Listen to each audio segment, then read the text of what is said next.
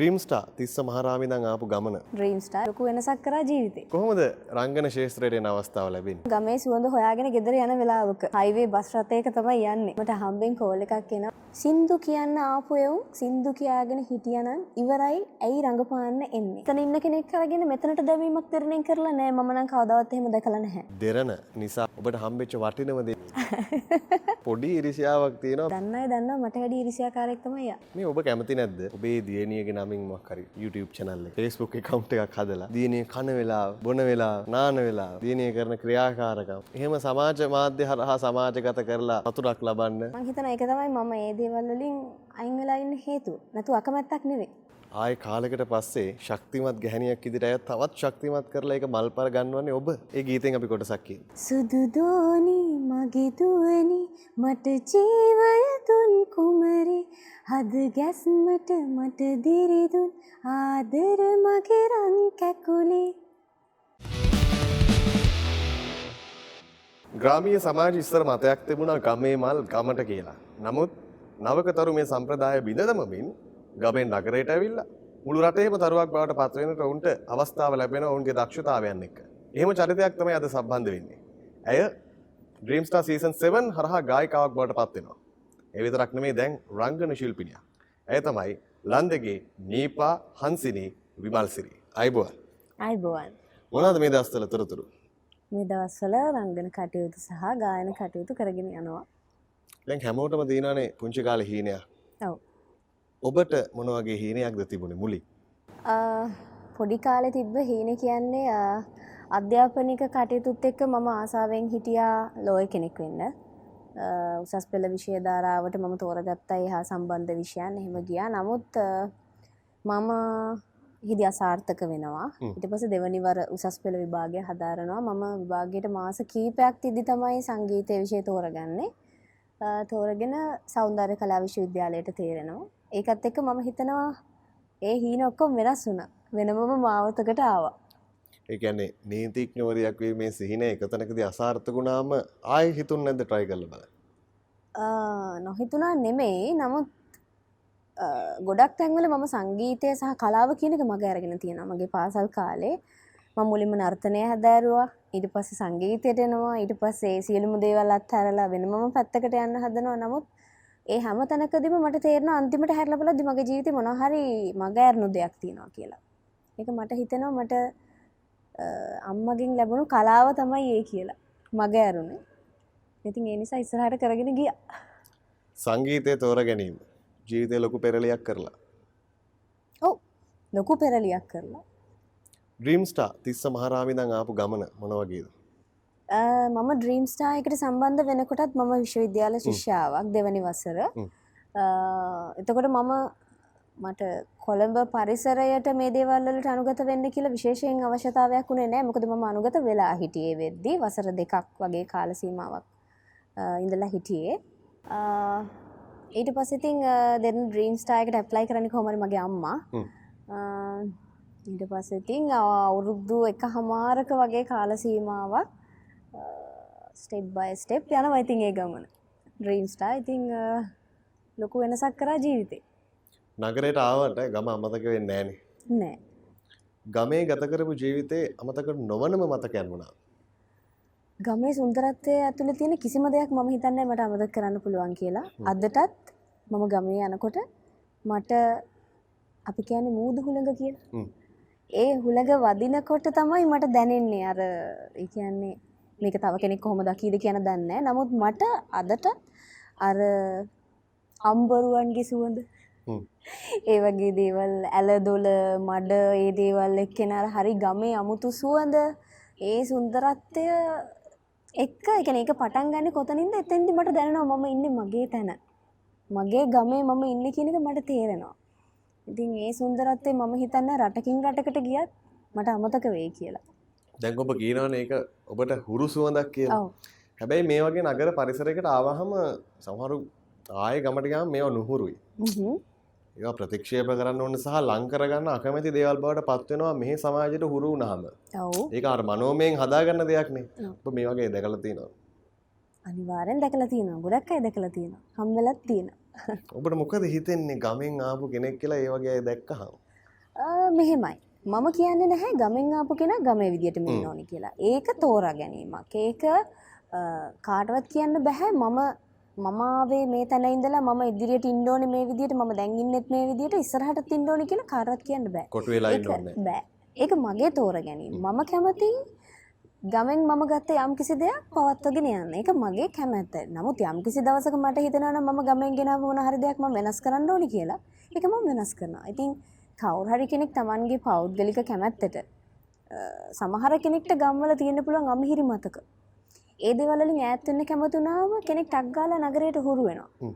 තවත් සමහර කෙනෙක්ට නගරේ මොනාහරි වටපිටාව හෝ නැත්නං මේ දේවල්වලට කැමැත්තක් ඇති වෙලා ඒවත් එක්ක නවතින්න හිතෙන්න ඉඩ තියෙනවා. ඉතින් ඒක මං හිතන පුද්ගලයාගෙන් පුද්ගලයට වෙනස් වෙන මේක මම නැවතුණු තැන. නගරේ වුණත් ගම වුණත් හන්සිනී හන්සිනීම තමයි. හන්සිනීම තමයි. එක දන්න අය දන්න ගොඩක් අය දන්නේ නැහැ. ගොඩක් අය මාව සමහර තැන්වලදි මම හිතනවා මාව මනින විදිය හරි පටුයි කියලා. මාව දන්න බොහෝ මතලොස්සයින්නේ මාව හරියටම දන්න මගේ පවුලය යරුනම මං හිතන්නේ අතේ ඇගිලි ගානටත් වැඩි අඩු ප්‍රමාණයක් තමයි හන්සිනීව හරියටම දන්නයින්න ඒ වුණාට චරිත සහතික දෙන්න බොහෝමයක් දෙනා ඉන්නවා. ගොඩක් ඉන්නවා කොහොමද රංගන ශේත්‍රයට එන අවස්ථාව ලැබෙන්නේ? ඒක හරි අහම්බයක්. හ්ම්. අර කිව්වා වගේම ගමේ සුවඳ හොයාගෙන ගෙදර යන වෙලාවක. කොළඹ කතරගම. හයිවේ බස් රථයක තමයි යන්නේ. ගෙදර යන ගමන්. ගෙදර යන ගම මට හම්බෙන් කෝල් එකක් එනවා දෙරණ උප සභාපතිතුමන්ගේ. ලක්සිරි සර්ගෙන් කෝල් එකක් එනවා. දුව අපි මෙන්න මේ වගේ වැඩක් කරගෙන යනවා. පෝය පෝයට ටෙලිෆිල්ම් එකක් කරනවා ඔට පුළුවන්ද මේකට එන්න? මම කවදාවත් රංගනයට සම්බන්ධ වෙලා නෑ රංගනය සම්බන්ධ කිසිම අත්දැකීමක් මට නැහැ. කැමරාවට හුරුවෙන්නෙත් මම පළවෙනි වතාවට දෙන්න ඩ්‍රීම්ස්ටා හරහා. මම වෙන කිසිම රියලිටි තරඟවලටවත් සම්බන්ධ වෙලා නැහැ. ඉතින් මට ලොකු අභියෝගයක්. නමුත් ආසයි. ඉතින් මං ඇහුවා මගෙත් තියෙනවනේ යම්කිසි සීමාවල් දෙන්න ඩ්‍රීම්ස්ටා කාලේ ඉඳලා එහෙම අපේ රාජිකා අක්කලා එහෙම දන්නවා. මට ඇඳුමක් තෝරන්න ගියත් හරි අමාරුයි. ඉතින් ඒ වගේ සීමාවල් එක්ක මට මම අහනවා ඉතින් ස්ක්‍රිප්ට් එක එහෙම බැලුවට පස්සේ මට ඒ වගේ ගැටලු නැහැ. ඉතින් එහෙම ගැටලුවක් තිබ්බේ නැහැ. ඉතින් ආසාවෙන් බාරගත්ත මම හිතනවා මං එදා ගත්ත තීරණේ හොඳ තීරණයක්. හරි තැනක මං අද නැවතිලා ඉන්නවා කියලා. දැන් සංගීතයට එලිනාට්ටේ නිශානි ටීචර්ගේ චරිතය. ඔව්. සහෝදරයන්ට හරි මාදරේ. හ්ම්. ඒ වගේම තමයි තමන්ගේ පවුල ගැන පුදුම කැක්කුමක් තියෙන හරි එඩිතර චරිතයක් ඉදිරියෙන් අපිට පේන්නේ. මේ චරිතය ඔබේ සැබෑ ජීවිතයට කොච්චර සමීපද? අක්කා කියන කැරක්ටර් එක තියෙන්නේ. හ්ම්. මට කිසි විදියකින් සමානකමක් නැහැ. මොකද මට ඉන්නේ අයියලා තුන්දෙනෙක්. මම තමයි පවුලේ බාලම නංගි. එතකොට වගකීම ඇරුනම ගොඩක් ඒ තියෙන එඩිතරකම බය නැතුව උත්තර දීම ගොඩක් දේවල් වලට ඉදිරිපත් වීම වගේම සහෝදරයන්ට දෙමව්පියන්ට තියෙන ආදරේ.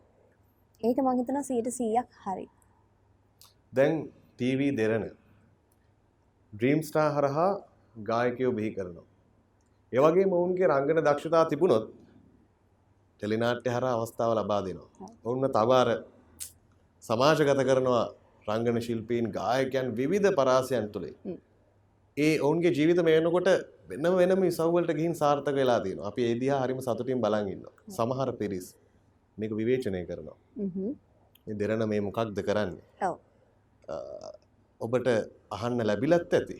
දකින අනිවාර්යෙන්ම. ලැබිලත් ඇති. ඇයි මෙහෙම කියන්නේ? ඔව් ඒක හොඳ මාතෘකාවක් ඇත්තටම මට මේ වගේ තැනක කතා කරන්න ලැබිච්ච එකත් සතුටා අපිට දැන් ඔය ගොඩාක් ප්‍රතිචාර අහන්න ලැබෙන්නේ වෙනද වගේ ඉස්සර තිබුණු අයට වගේ ලිපි වලින් නෙමෙයිනේ. Facebook හරහා නැත්නම් Instagram ඔයගේ කියන්නේ සමාජ මාධ්‍ය. හරහා තමයි අපිට ප්‍රේක්ෂකයන්ගේ අදහස් දැනගන්න ලැබෙන්නේ. හොඳ මත වගේම නරක මතත් හම්බ වෙනවා. ගොඩක් අයගෙන් අහන කතාවක් තමයි මම මේ වචනේ පාවිච්චි කරාට හොඳද දන්නේ. සින්දු කියන්න ආපු එවුන් සින්දු කියාගෙන හිටියනම් ඉවරයි ඇයි රඟපාන්න එන්නේ. සරලවම ඕක තමයි කියන්නේ සමාජ මාධ්‍ය. ඉතින් ගොඩක් අය කියන නමුත් අපි මෙතනින් පොඩ්ඩක් එළියට බහලා බැලුවොත් එළියට ගිහින් බැලුවොත් හොලිවුඩ් වල කොච්චර ඉන්නවද ගායක ගායිකාව රඟපාගෙන. ඇයි ඒක කරන්න බැරි කොච්චර ඉන්නවද රඟපෑම සහ ගායනය කියන එක හොඳටම කියන්නේ උපරිම මට්ටමින් කරගෙන යන අය. මං හිතනවා දෙරණ ගන්න ඒකට පොඩි උත්සාහයක් කියලා මම කියන්න හැ සීට දෙසියක් එක සාර්ථකයි කියලා. මොකද යම් විට අසාර්ථක වෙන්න පුළුවන්. කැනෙ දැන් විශේෂෙන් මම මම මුදාහරණයට ගන්නක මම කොහෙවත් රංගනයට සම්බන්ධ වෙලා හිටපු කෙනෙක් නෙමේ එකම එක අවස්ථාවක් මම පාසලේ වේදිකානාට්‍යයකට සම්බන්ධලා තින ඒකත් හම්බයක් ඒකත් හම්බයක් ප්ලෑන් කරලා ගියපු ගමනක් නෙවෙයි ඒ එන්නකොට රංගනය සම්බන්ධ කිසිම අත්දැකීමක් නැහැ. එතකොට මට දෙන්නේ අභියෝගයක්. මම යම් කිසි විටකින් ඒක අසාර්ථක වුණා නම් හ්ම්. මං හිතන ඒ කතාව හරි. නමුත් මම හිතනවා මම යම් මට්ටමක සාර්ථකයි කියලා. මගේ සීමා තියෙන රංගනය ඇතුළේ ඒක මම හිතනවා රංගන ශිල්පිනියකට සමහර විට එච්චර සුදුසු නැහැ ඒ සීමා. එහෙම බෑ. කලාව කියන එක හැම පැත්තම ගිහිල්ලා අධ්‍යනයක් කරලා එහෙම කරන්න පුළුවන් වෙන්න ඕන. ඒක මම අර කිව්ව මම ගමෙන් ගෙනාවු සමහර දේවල් තියෙන්නේ. ඒව ඇතුලේ කොට වුණා මම සමහර තැනක හිර වෙනවා. නමුත් ගායනයත් රංගනයත් එක්ක කෙනෙක්ට ලොකු ගමනක් යන්න පුළුවන්. මොකද මං කියන ගායනය විතරක් නෙමේ ඩ්‍රීම්ස්ටා මගෙත් එක්ක තරගේ හිටිය. හොඳ නර්තන ශිල්පිනිය දක්ෂ සෞන්දර කලා විශ්වවිද්‍යාලයම ඉතින් ඒ වගේ එක්කෙනෙක්ට එක පැතිකඩකට වඩා එහා ගියපු දේවල් තියෙන්න පුළුවන්. ඒ නිසා මම හිතන්නේ නැහැ ගායකයෝ ගායකයෝ විතරක් වෙලා ඉන්ඩෝනි කියන සීමාවේ හැම දෙනෙක් ඉන්ඩෝනි කියලා. එහෙම ඉන්න ඉන්නවා. නැත්තෙ නෑ. මම ගරු කරනවා බොහොම ඉතිං ඒ දේ කැන කරන කෙනා ඒ කරන දේට සීර සීයක්ගේ දායකත්තය ලබාදිල රැඳී සිටීම වෙනම එකක්. නමුත් කිසි කෙනෙක්ට කියන්න අයිතියක් නැහැ. මේක ඇතුළ තමයි වා ඉන්ඩෝ නවා මේකට කොටු වෙලාන්න නවා මේක විතරයි කරන්න ඕනි කියලා. හෙම කියන්න බෑ. හැමෝටම තියෙනවා ස්වාධීන අයිතියක් තමන් කැමති දේ කරන්න. සිින්දු කියන්නාවන සිින්දු කියලා පැත්තරලා ඉන්න කියන්න කිසිම කෙනෙක් අයිතියකුත් නෑ රඟපාන්නාවන රඟපාලා ඉන්න කියලා කියන්න කාටත් අයිතියකුත් නෑ අයිතියක් නෑ රඟපානය බිස්නස් කරන්න ඒකත් රැකියාවක්. රැකියාව. එකත් රැකියාවක්. කලාව කියන දේ රැකියාවකට වැඩි එහාගිය දෙයක්. එක මම පිළිගන්න අවිවාදයෙන්ම. නමුත් කෙනෙක්ගේ කැමැත්ත කියන මාතෘකාවට ගත්තට පස්සේ ඕන කෙනෙක්ට තමන්ගේ කැමැත්ත අනුව ඕනම පැතිකට තෝරගන්න පුළුවන් ඉස්සරහට යන්න. මැනිකක් වුණත් ඔප දැම්මහම තමයි ඒක දිශ්නි දීන්න ලස්සනට. ඉතින් දෙරන ඒ මැනික් ඔපදාලා සමාජගත කරන එක සහ ඔවුන්ගේ ජීවිතවල්වලට සාර්ථකත්වය ගෙනන එක කොහොමද අසාධාරණ වෙන්නේ අනිවාරෙන් ඒක කිසිසේත්ම අසාධාරණයක් වෙන්නේ මොකද කෙනෙක් අරගෙන මෙතන ඉන්න කෙනෙක් අරගෙන මෙතනට දැමීමක් තරණය කරලා නෑ මම නම් කවදාවත් එහෙම දැකලා නැහැ. මෙතන ඉන්න කෙනෙක් අරගෙන මෙතනට දැම්මා මිසක් මෙහි ඉන්න කෙනෙක් අරගෙන පහලට දාලා නැහැ. මං හිතනවා ගොඩක් නාලිකාවල් වලට වැඩිය ඉදිරියෙන් ඉන්නත් දෙරණට ඒක හේතුවක් කියලා ලොකු. රටක වුණත් ඕන තැනක සුළුතරේ බහුතරය කියලා දෙයක් තියෙනවානේ ඒක ඉතින් එකිනෙකනාට සාපේක්ෂයි ඇත්ත. නිසා ඔබ ගායිකාවක් රංගන ශිල්පිනියක් විශේෂම ඔබේ දක්ෂතාවය නිසා. ඔබට හම්බෙච්ච වටිනම දේවේ මොකක්ද මේ මන් දන්න ඔබේ හිතකිව උත්තරේ. වටිනම දේ ආ, තමයි දේවල් ටිකක් කියන්න මට. එහෙම. එක දෙක තුන කිය මම සරලවම කියන්නම්. සැබෑ ආදරේ. ඔබේ සැමිය. ඔව්. සැමිය සහ අද වෙනකට මම මාවක්. මට චූටි දියණියක් ඉන්නවා. ඉතින් ඒ කියන්නේ දෙරණ නිසා කියන්නේ ඉතින් මෙහෙමයි. දෙරණින් කතා කරලා දුන්න නෙමෙයි. ඔව් ඒක දෙරණට සම්බන්ධ වෙන්නේ ඔහුත් අ, දෙරණ ඩ්‍රීම් ස්ටාර් හරහා බිහුණු තරුවක්. පසුව මම සංගීත නාට්‍යයට ආරාධනා ලැබුවට පස්සේ මගේ පෙම්වතා විදිහට තමයි ඔහු රංගනයට සම්බන්ධ වෙන්නේ. ඉතින් හ්ම්, කොහොම හරි නාට්‍යයට. ඔව්. ඉතින් මුලදී එහෙම සම්බන්ධයක් නැතිවුණත් පසුව කාලෙත් එක්ක ඉතින් අපි තීරණය කරනවා පොඩි පොඩි ගැළපීම් අපි දෙන්නගේ තියෙනවා කියලා. සැබෑ ජීවිතයටත් ඒ ආදරය අරන් එන්න ඕන කියලා ආවගෙන එන්න ඕනි කියලා. ඒක සාර්ථකයි සාර්ථකයි මම හිතනවා දැන් යම්කිසි කාලයක් තිස්සේ සාර්ථකව ගෙවාගෙන යනවා කියලා. ඉතින් පෞල් ජීවිතවල ගැටලු නැත්තේ නැහැ. ගැටලු තියෙනවා. නමුත් මම හිතනවා අපි දෙන්න මේකට සාර්ථකව මුහුණ දෙනවා කියලා. දැන් මේ මේ කලාශේත්‍ර විවිධය තමන්ට ආස ආස කැමති කැමති විදිහට මත හදා ගන්න ඕනේ. ඔව්. කියන්නේ තමන්ට සාපේක්ෂ වෙන විදිහට. සමහරු කියනවා එකම ශේත්‍ර දෙනෙක් කසාද බඳින එක විවාහ ජීවිතයකට ඇතුල් වෙන එක එච්චර හොඳ දෙයක් නෙවෙයි මේක ගැලපෙන්නේ නැහැ මේ වැඩ කරගන්න අමාරු. සමහර අය කියනවා මේක දෙන්නම එකම ශේත්‍ර වුණාම වැඩ කරගන්න පහසුයි කියලා. ඔබ මොකක්ද මේ දෙකෙන් විශ්වාස කරන්නේ? අ, මගේ විශ්වාසය ඇවිල්ලා ආදරයකට විවාහයකට කිසිසේත්ම ශේෂත්‍රය කෙනෙක බලපාන්නේ නැහැ. ශේෂත්‍රය කෙනෙක බලපාන්නේ කෙනෙක්ගේ පෞරුෂත්වයට සහ අ, ඉපයීම් වලට උපයා ගැනීම් වලට. එතකොට ඔය කියන කතාව කලාවට සම්බන්ධ වෙන්නේ එකම රැකියාව කරන දෙන්නා වෙවෙන්නේ නැහැ කියන්නේ. කලාව විතරක් නෙමෙයි වෙන රැකියා ස්ථානවලත් සමහර වෙලාවට සැමියා සහ බිරිඳ එකම තැන්වල ඉද්දී ඔය ගැටලුව මතුවෙන්නේ ඉරිසියාව කියන කාරණාව මත. අනිත් රැකියාස්ථානවල මම අ, ඔබ දන්න. සමහර තැන්වල මමත් කාන්තාවක් මටත් තිරිසාව කියන දේ තියෙනවා නැත්ත නැහැ නමුත් රැකියාව මොක වුණත් තේරුම් ගැනීම සහ දැඩි විශ්වාසය ආදරය කියන කාරණායක් එකතුනොත් මං හිතනවා මොන රැකියාව කරත් හොඳ ගමනක් යන්න පුළුවන් මොන රැකියාව කරත් ඒක මේකට අදාළ වෙන්නේ නැහැ නෑ. බැඳීම් වලට. හැබැයි අහන්න තියෙන ප්‍රශ්නයක් තියෙනවා දැන්. දැන් ඊර්ෂ්‍යාව ගැන කතා කරානේ. හරි ලස්සනට. මම වැඩේ වරද්ද ගත්තද දැන් ලස්සනට කිව්වනේ දැන් මම ඒක අහගෙන හිටියා. හැබැයි අපිට අහන්න ලැබෙනවා අපේ නවීන්. වෙනත් නාලිකාවල හරි වෙනත් නාට්‍යවල හරි විවිධ ජවනිකාවලට යනකොට චරිතවලට පොඩි ඉරිසියාවක් තියෙනවා මේ ගැල්ලමයි කියන්නේ පාරංග. පොඩි නෙවෙයි ලොකු ඉරිසියාවක්. ඒක නා- පෙර ප්‍රශ්නේ දැන් වළංගුද?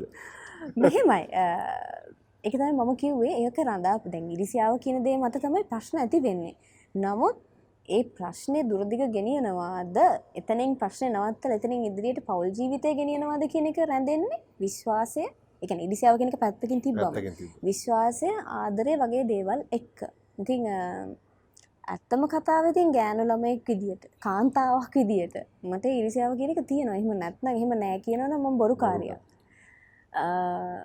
මම කැමති නෑ ඉතින් මගේ හස්බන කියල වෙන ගෑන්ම එක අතින් අල්ලගෙන හෝ ඒ විදියේ දර්ශනයකට පෙනෙන්නට මම විතරක් නෙමේ ඔබ යම් කිසි දවසක එයාව මෙතෙන්ට ගෙනල්ල ඇහුව සමහරයට නෑ කියයි. නමුත් දන්නයි දන්න මට වැඩි ඉරිසියාකාරෙක්තමය ඒක තමයි ඇත්ත. එක තමයි ඇත්ත මිනිස්සුන්ගේ සාමාන්‍ය ජීවිතවල ඇත්තොන්නෝක තමයි. ඊරිෂාව ගැන කතා කරන්න පුළුවන් වෛරය ගැන කතා කරන්න පුළුවන්. හැබැයි අපිත් ඉතින් ඉරිෂයා කරනවා වෛරික්කාරී වෙනවා සමහර වෙලාවල් වලට අවස්ථාවන් වුණේ. ඔව් පවත්වගෙන යාම තමයි ඉතින් වැඩේ. තියෙන්නේ ඔක පටල ගන්න එක තමයි ඔව් ප්‍රශ්නේ. එකන මොන ඉරිසියාවත් ඒකට එහා ගිහිල්ල තමන්ගේ හිතේ තින ආදරේ සහ විශ්වාසය කෙන කෙලියට එනවන මංහිතන කෙනෙක්ට එක පවත්තගෙනන්න පුළුවන් කියල මේ ලෝකේ කාන්තාවකට ලැබෙන්න තියෙන ඉහළම තනතුර පදවිය අම්මා. ඔව් ඔබ අම්මා කෙනෙක්. නැව් මේ පදවිය මොන වගේ දැනෙන්නේ? අර කියනවනේ තාත්තා කෙනෙක් වෙන්න ඕනේ තාත්තගේ ආදරේ දැනෙන්න. අම්මා කෙනෙක් වෙන්න ඕනේ අම්මගේ වටිනාකම තේරෙන්න. ඔව්. මං හිතනා මං ඒක ලස්සනට ගීතයකින් එලි දැක්වා කියලා මයගෙන කතා කරට කමක් නැද කමක් නැහැ. අපි මේ ගීතෙන් කොටසක් කියමු. මම ගීතය ගැන මේ විදිහට කරන හ්ම්. කරන්න මම ගීතයක් රචනා කරනවා මීට වසර කීපයකට පෙර විශ්වවිද්‍යාලයේ වැඩ කටයුත්තකට. ඒකැන මම ඒක මම ඒක ලියලා සංගීතවත් කරන්න ඕන. එක තමයි මගේ ඇගීම ඉතින් ඒ වෙනුවෙන් කරත් මට එකන රචනා කරත් මට ඒක එලි දක්වන්න බැරි වෙනවා. මේ ගීත රචනාව වෙන්නේ මගේ අම්මගේ සැබෑ අත්දැකීමක්. මං ඒ ගැන චුට්ටක් කතා කරනවා. මම ඉපදෙන හරියට මවුරුද් දෙකකට කලින් ඇයට දියණියක් ලැබිලා විනාඩි 20ක් ජීවත් වෙලා නැති වෙනවා. එයා යනවා අම්මව දාලා යනවා. ඉතින් එයාට පුතාලා තුන්දෙනෙක්ට පස්සේ අවුරුදු ගානකට පස්සේ හම්බෙන එකම දුව ඒ. අවුරුදු ගානකට පස්සේ අවුරුදු 7කට පස්සේ. ඉතින් එයා එහෙම දාලා ගියාට පස්සේ ඇයගේ තත්ත්වය ගැන මම කියන්න අවශ්‍ය නැහැ නේ අමුතුයි. ඇය ගැහණු දරුවන්ට ගොඩක් ආසයි. ආදරේ. එහෙම බලාගෙන ඉඳලා අවුරුදු ගානක් පෙරම් පුරලා හම්බෙච්ච දුව ඇයව දාලා යනකොට කවදාවත් හිතන්නේ තව දුවෙක් එයා ළඟට එයි කියලා. කොහොම හරි ඇය නැවතත් අ, අම්මා කෙනෙක් වෙන්න යනවා කියලා දැනගත්තට පස්සේ ඇය මුලින්ම ප්‍රාර්ථනා කරන්නේ දුවෙක් වෙන්න කියලා. කොහොම හරි ඇගේ ප්‍රාර්ථනාව දෙවියන් විසින් අහලා හෝ ඇයව ඇයට දුවෙක් ගෙනත් දීලා තියෙනවා. මම දන්න තරමින් ඒ කාලය අ, හැටියට සිසේරියන් සැත්කමකට එච්චර සතුටින් ගියපු එකම මව කියලා මට කියන්න පුළුවන්. එහෙම කියන්න හිතෙනවා. ගැන යාට එච්චරට සතුට දුවෙක් හම්බෙන්න එයා යන එක ගැන යාට සිහි නැති කිරීම ඒ සම්බන්ධ කිසි දෙයක් නෑ එයාගේ ඔළුවේ තියෙන අනේ මට මගේ මේ දුවව දැකලා මම ගියත් මට කමන්නේ නෑ. එහෙම සතුටක් තමයි එයාගේ හිතේ තියෙන්නේ. ඒක තමයි මං ගීතය වචන කරන්නේ නුඹ දැක මියදුනත් අනේ සතුටකින් මගේ හිත කීවේ කියලා. අම්මගේ අත්දැකීම. පස්සේ මං ඒ අත්දැකීම ලබනවා අ, දැන් වසර එක හමාරකට කිට්ටු වෙන්නෙනවා මට හිතාගන්න පුළුව මගේ අම්මට මොනවගේ දෙයක් දේ වෙලා දැනෙන් නැති කියලා දැන් අම්මගේ අහිමි වෙච්ච අරමුණ ආය කාලෙකට පස්සේ ශක්තිමත් ගැහණියක් ඉදිරියට තවත් ශක්තිමත් කරලා ඒක මල්පර ගන්නවන්නේ ඔබ. ඔව්. ඒ ගීතෙන් අපි කොටසක් කියමු. හරි.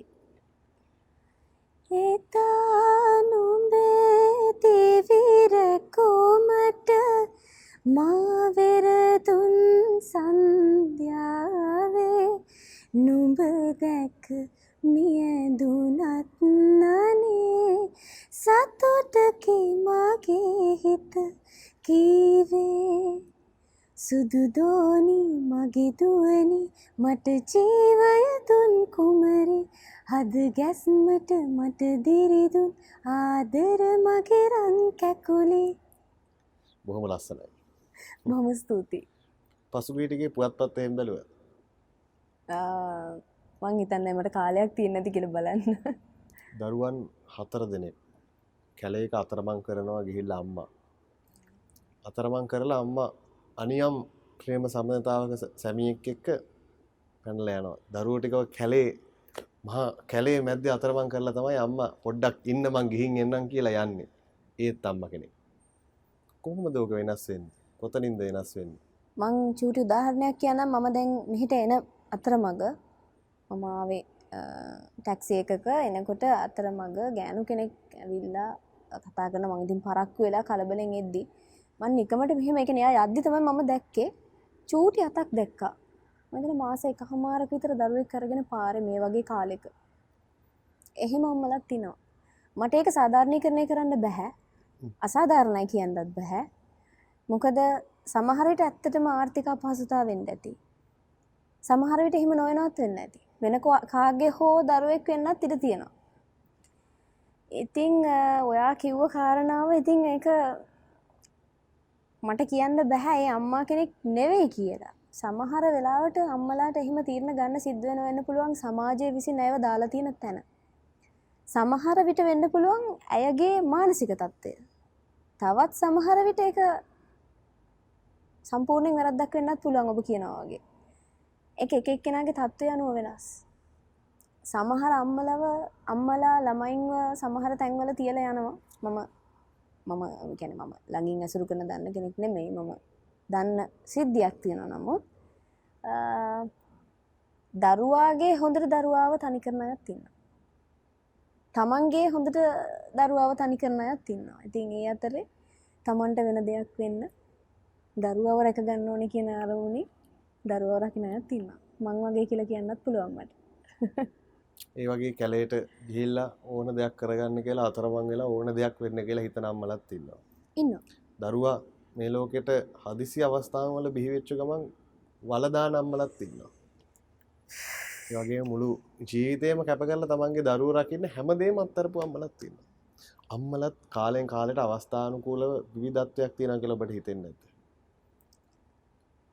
කාලයක් නෙමෙයි? පුද්ගල චරිතය අනුව වෙන්නේ. කාලය නෙමෙයි ඒකට හේතුව මොන කාලයක ඉපදුනත් අම්මා කියන පදවිය ලබන්න බැහැ කිසි කෙනෙක්ට කාලය අනුව ඒක වෙනස් වෙන්නේ නැහැ. ඒක සිද්ධ වෙන්නේ එකම විදියට. මාස 9ක් බඩේ තියාගෙන ඉඳලා ඒ දේවල් අත්විඳලා කාලෙත් එක්ක ඒ ක්‍රමය වෙනස් වෙන්නේ නැහැ තව අවුරුදු ගාණක් ගිය. ඒ විදියට මේ දේවල් ඒ හැඟීම අම්මා කෙනෙක්ට දැනෙනවා. ඒතර ඒ හැඟීම ප්‍රතික්ෂේප කරන්න යම් කෙනෙක්ට පුළුවන් නම් ඒකට බලපාන්නේ කාලය නෙමෙයි. ඒක එක්ක තමන්ගේ සමාජ වටපිටාව හෝ තමන්ගේ මානසික මට්ටම. දරා ගැනීමේ ප්‍රතිමූර්තිය ශක්තිය ප්‍රතිමූර්තිය අම්මා ඇත්ත. ඔව්. සම කරන්න බෑ කාටවත් නේ. කිසිසේත්ම බෑ කියලා දැනගත්ත මම මේ අත්දැකීම ලැබුවට පස්සේ. ජීවිතේ හැමෝටම අරමුණු තියෙනවා. මම මොනවද ඉස්සරහට කරන්න කියලා. ඔබට මොන වගේ ටාගට්ස් ද තියෙන්නේ මේ වෙද්දි? මට මේ වෙනකොට තියෙන ලොකුම බලාපොරොත්තුව තමයි හොඳ පවුල් ජීවිතයක් සහ හොඳ දුවනියක් ලෝකෙට දායාද කරන එක. මං ඇයව වැඩිය සමාජ මාධ්‍ය තුල පෙන්වන්නේ නැහැ. ඒකට හේතුවක් හේතුවක් තියෙනවා. ගොඩක් අය අහනවා ඒ කියන්නේ ඇත්තටම යම් මට්ටමකින් හරි ප්‍රසිද්ධ වුණාට පස්සේ අපේ ප්‍රේක්ෂක ජනතාව හරි ආසයි අපේ දේවල් දැනගන්න. ඒක එයාලගේ හැටි. ඉතින් නමුත් මම එතනදී අර යම් කිසි තත්ත්වයකට හෝ ප්‍රසිද්ධ චරිතයක් කියන දෙයින් එළියට ඇවිල්ලා අම්මා කෙනෙක් විදිහට හිතන්න ගත්තා. ඒක තැනකදී මට හිතෙනවා යම් දවසක මගේ දුවනිය මට මගෙන් ඇහුවොත් ඇයි ඔයා මාව මේ දේවල් වලට දැම්මේ මම කැමති නෑනේ මේ දෙයට. වගේ දෙයක් මට අහන්නනො කියලා දෙයක් මගේ ඔලුවට ආවා. මොකද ඒ කියන්නේ හැමෝටම තියෙනවා කාලෙත් එක්ක වෙනස් වෙන දේවල්. මම චූටි කාලේ ආසාවෙන් හිටිය ලෝය කෙනෙක් වෙන්න. නමුත් මම දැන් ඉන්නේ කොහෙද? ඒ වගේ. මගේ දුවත් යම් කිසි දවසක මොනවා හරි ඉරණමක් ලියාගෙන ඇති ඇවිල්ලා. ඉතින් මං හිතනවා මට අයිතියක් නෑ ඉරණම වෙනස් කරන්න කියලා. මේ ඔබ කැමති නැද්ද? ඔබේ දියණියගේ නමින් මොකක් හරි YouTube චැනල් එක ෆේස්බුක් කවුන්ට එකක් හදලා දීනය කන වෙලා බොන වෙලා නාන වෙලා දීනය කරන ක්‍රියාකාරකම් එහෙම සමාජ මාධ්‍ය හරහා සමාජගත කරලා සතුරක් ලබන්න ග්‍රාහක වැඩි සංඛ්‍යාවක් මේක නරඹනවා නම් කැමති එහෙම අදහසන්න කිසි සේත්ම නැහැ. ඒක මං මේ විදිට කියන්නංකෝ දැන් ඔයාට නොත් මේ අත්දැකීම ඇති. ඔයා පොඩි කාලේ අම්මයි තාත්තයි එක් නෑදෑයෝ කටියක් හෝ අම්මගේ තාත්තගේ යාලු කටයක් ඉස්සරහට ගියාම පුතේ අර සිින්දුව පොඩ්ඩක් කියල පෙන්න්න නටල වෙන්න පොඩ්ඩන් නටල පෙන්න්නන්නකෝ ඇයි ඒක තමයි අම්මල තාත්තලගේ ආසාාව. එකැනේ දෙමවපියන් වීම ඇතුළි මම හිතනවා ඒක ඒක ඒක පැකේජ් එකක්. දරුවන්ගේ සුරතල් දක්ෂතා. ඔක්කොම එක්ක ඉතින් ඒ කාලේ අපේ කාලේ ඕවා යාළුවන්ට නෑදෑන්ට පෙන්න්න සෝශල් මීඩිය තිබෙන හැ නමුත් අද වෙනකොට තියෙනවා. ඉතින් කැමති කෙනෙක්ට එදේවල් ඒ විදිට පෙන්න්න පුළුවන්. තමන්ගේ වටේ ඉන්න යාළුවන්ට. ඒ නිදහස තියෙනවා. නමුත් මෙතන තියෙන එකම් ප්‍රශ්නය අර අපේ අම්මල තාත්තල කතා කරලා කීපදනෙක්ට පෙන්නන දේ සහ සමාජ මාධ්‍යයට වීඩියෝවක් හෝ ෆොටෝ එකක් නිකුත් කිරීම අතර වෙනසක් තියෙනවා. ඕන කෙනා එපා කෙනයි දිගොලම් බලන ඉතින් එතකොට අර ඕන කෙනා කියන කෙනා බලලා ආශිර්වාදයක් හොඳ දෙයක් කියන අතරේ සමහරු ඉන්නවන ඉතින් දෙමවපියන්ගේ තරහා ළමයි පිටිං අරින අය. ඉතින් ඒ වගේ කෙනෙක් නරක කතාවක් වුණොත් කියන්න පුළුවන්. සමහරු ඉන්න හැමදේම දරාගන්න පුළුවන්. නමුත් මම හිතන මම ඒ තරමට ශක්තිමත් නැහැ කියලා. කිසි සේත්ම මගේ දරුවට යම් කිසි විදිියකින් යමක් කෑනට ම කැමති නැහැ. ම අයට ඇඳුම් ඇඳීම ඉඳල සැරකිලිමත්වෙන්න හේතුව ඒකයි. නමුත් මත්තාසයි ලස්සන්ට ෆැෂන් කරන්න දුවක් චූටි දුවක් මටත් තින්න ඉතින් ලස්සන ලස්සන දේවල් අන්දන්ඩ පුළුවන්. ලස්සන වීඩියෝ කලිප්ස් ගණඩ පුළුවන් අරගෙන දාන්න පුළුවන්. ම හරි ආසයි. මම නෑකිවොත් ඒක සම්පූර්ණ පුරුවක් මගේ ෆෝන් එක මෙමරි ෆුල් මේ වෙද්දී මම තවකාගරි ෆෝන් එකක් කරගෙනත් ගන්නවා. නමුත් මට ඒවා සමාජ මාධ්‍යයට නිකුත් කරන අබහසුයි මොකදර අපේ අම්මල තාත්තල වටේ හිටපු පිරිස නෙමෙයි අපේ වීඩියෝස් බලන්නේ. වෙනම පිරිසක්. විශේෂයෙන් යම් කිසි මට්ටමින් ප්‍රසිද්ධ චරිතයකගේ දේවල් බලන්න ලොකු පිරිසක් ඉන්නවා. සමහරට ඒකනට කැමති වුණ තකමති වුණොත් බලනවා. ඉතින් මට ඒක දරාග නමාරු යම් කිසි විදිහි මගේ දරුවට අනාශ කතාවක් කිව්ව මං හිතන එක තමයි මම ඒ දේවල් වලින් අයින් වෙලා ඉන්න හේතු නැතු අකමැත්තක් නෙවෙයි. දැන් ඔබේ දියනය ගීතයක් ගායනා කරන වීඩියෝවක්. නර්තනයක් ඉදිරිපත් කරන වීඩියෝක් ඔබ සමාජ මාධ්‍යයට මුදා හැරියොත් අපි හරි ආසාවන් එක දිහා බලන් ඉන්නවා. අනේ මේ පුංචි දරුව ලස්සන්ට නාස් කරනවන්. අනි හරි ලස්සන සිං කරනවන. බලන් ඉන්නවා. දරුවා නොදරුව කාලි. දරුවාව නිකං වෙළඳ භණ්ඩයක් බවට පත්වෙන අවස්ථා අපි දැකලා තියෙනවා. කියන්නේ දරුවට නොතේරෙන කාලේ දරුවා ගීතයක් ගායනා කරන්න නර්තනයක් ඉදිරිපත් කරන කිසිම සාක්ෂරතාවයක් මුකුත් නැති කාලේ. කවදාද මේ දරුවා ලොකු වෙලා ඔබ කිව්ව විදිහට ඇහුවොත් ඇයි මට මෙහෙම කළේ කියලා ඒ දෙමාපියන්ට උත්තර නැති වෙයිනේ. මට ඒකට උත්තර දෙන්න අපහසුයි. මෙහෙමයි. සමහර දේවල් තියෙනවා අපි දැන් මම බරපතලව ගන්න සමහර දේවල් එච්චර බරපතලව ගන්න අවශ්‍ය නැති අවස්ථාත් තියෙනවා. නැත්තෙ නැහැ. මොකද වෙළඳ දැන්වීමක් හෝ වෙන යම් කිසි රෝගත කිරීමකට සම්බන්ධවීම ඇතුළේ ආර්ථික මේ කාරණා තියෙන්න්න පුළුවන්. හරිද? දැම් මං ඒක මේ විදිරි කියන්නංකෝ ඔන්න කමර්ශල් එකකට ටීවි කමර්ශල් එකකට කතා කරනවා. බබෙක්ව ගණ්ඩෝනේ මෙහෙමයි කියලා. ඒකතර නිකං කරන්නේ ඉතින් අම්ම තාත්ත කරන රැකියාව ඒකන අම්ම තාත වෙනත් රැකියාවක් කරන්න නැත්න ඔවුන් ඔවුන්ගේ ජීවන උපාය ඒකන වෘතියන ඔවු එතකොට දරුවට කන්න දින දෙන්න ඒදේ කරලන මම හිතනවා ඉතින් වැරද්දක් නැහැ. ඒ හම්බ කරන සල්ලිවලට සමහට දරුවට කිරිපිටියක ගන්න වෙන්න පුළුවන්. සමහට දරුවට පැම්පස් පැකට්ක් ගන්න වෙන්න පුළුවන්. කෑමබීමටික් ගන්න වෙන්න පුළුවන්. ඉතින් ඒක එක එක්කෙනට සාපේක්ෂයි. මගේ මතයක් තියෙනවා. මම මොනදේ කරත් ඒදේ කරන්න නැහැ කිය ඒක මගේ මතය. නමුත් ඒක වැරදිී කියන්න බෑ. ඒක එක එක්කෙනනු වෙනස්. හැමෝට මයිතියක් තියෙන හැමෝට මයිතියක් තියෙන එකති මගේ මගේ විදිට අනිත් අයින්න ඕනි කියල නීතියක් නැහැ. සහම විශේෂයෙන් කියන්නන ම කිසි කෙනෙක පිනවීමේ බලාපොරොත්තුවෙන් හෝ කිසි කෙනෙක් පහත් කිරීම බලාපොරොත්තු නෙම මේ කතාව කිව්වේ. එකැන සමහරු දැ මේකත් එක්ක මගේ දිහා දවේශ සහගතව බලන්න තිඩයි නමුත් මිනිස්සු කැමති මං අඳිනා දකින්න මෙහෙම. ඒ නිසා මම මෙහෙම අඳිනා කියලා එකක් නැහැ. මං අඳින්න මගේ කැමැත්තට. ඔබේ පිළිතුරේ මධ්‍යස්ථයක කිසි ගැටලුවක් නැහැ. හැම දෙයකම දෙපැත්තක් තියෙනවා. තමක් තව කෙනෙක්ට හොඳයි කියලා හිතන දේ මට හොඳ නැති වෙන්න පුළුවන්. අපිට තියෙනවා අය උනාට රංගන ශිල්පිනියක් අහම ප්‍රශ්න කරන්න.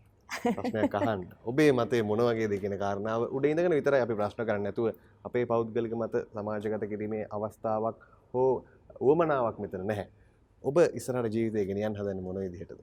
කැමති මොන විදිහටද? ආ, ධර්මයට ලැදිවෙන්න තිබුණනක් හොඳයි.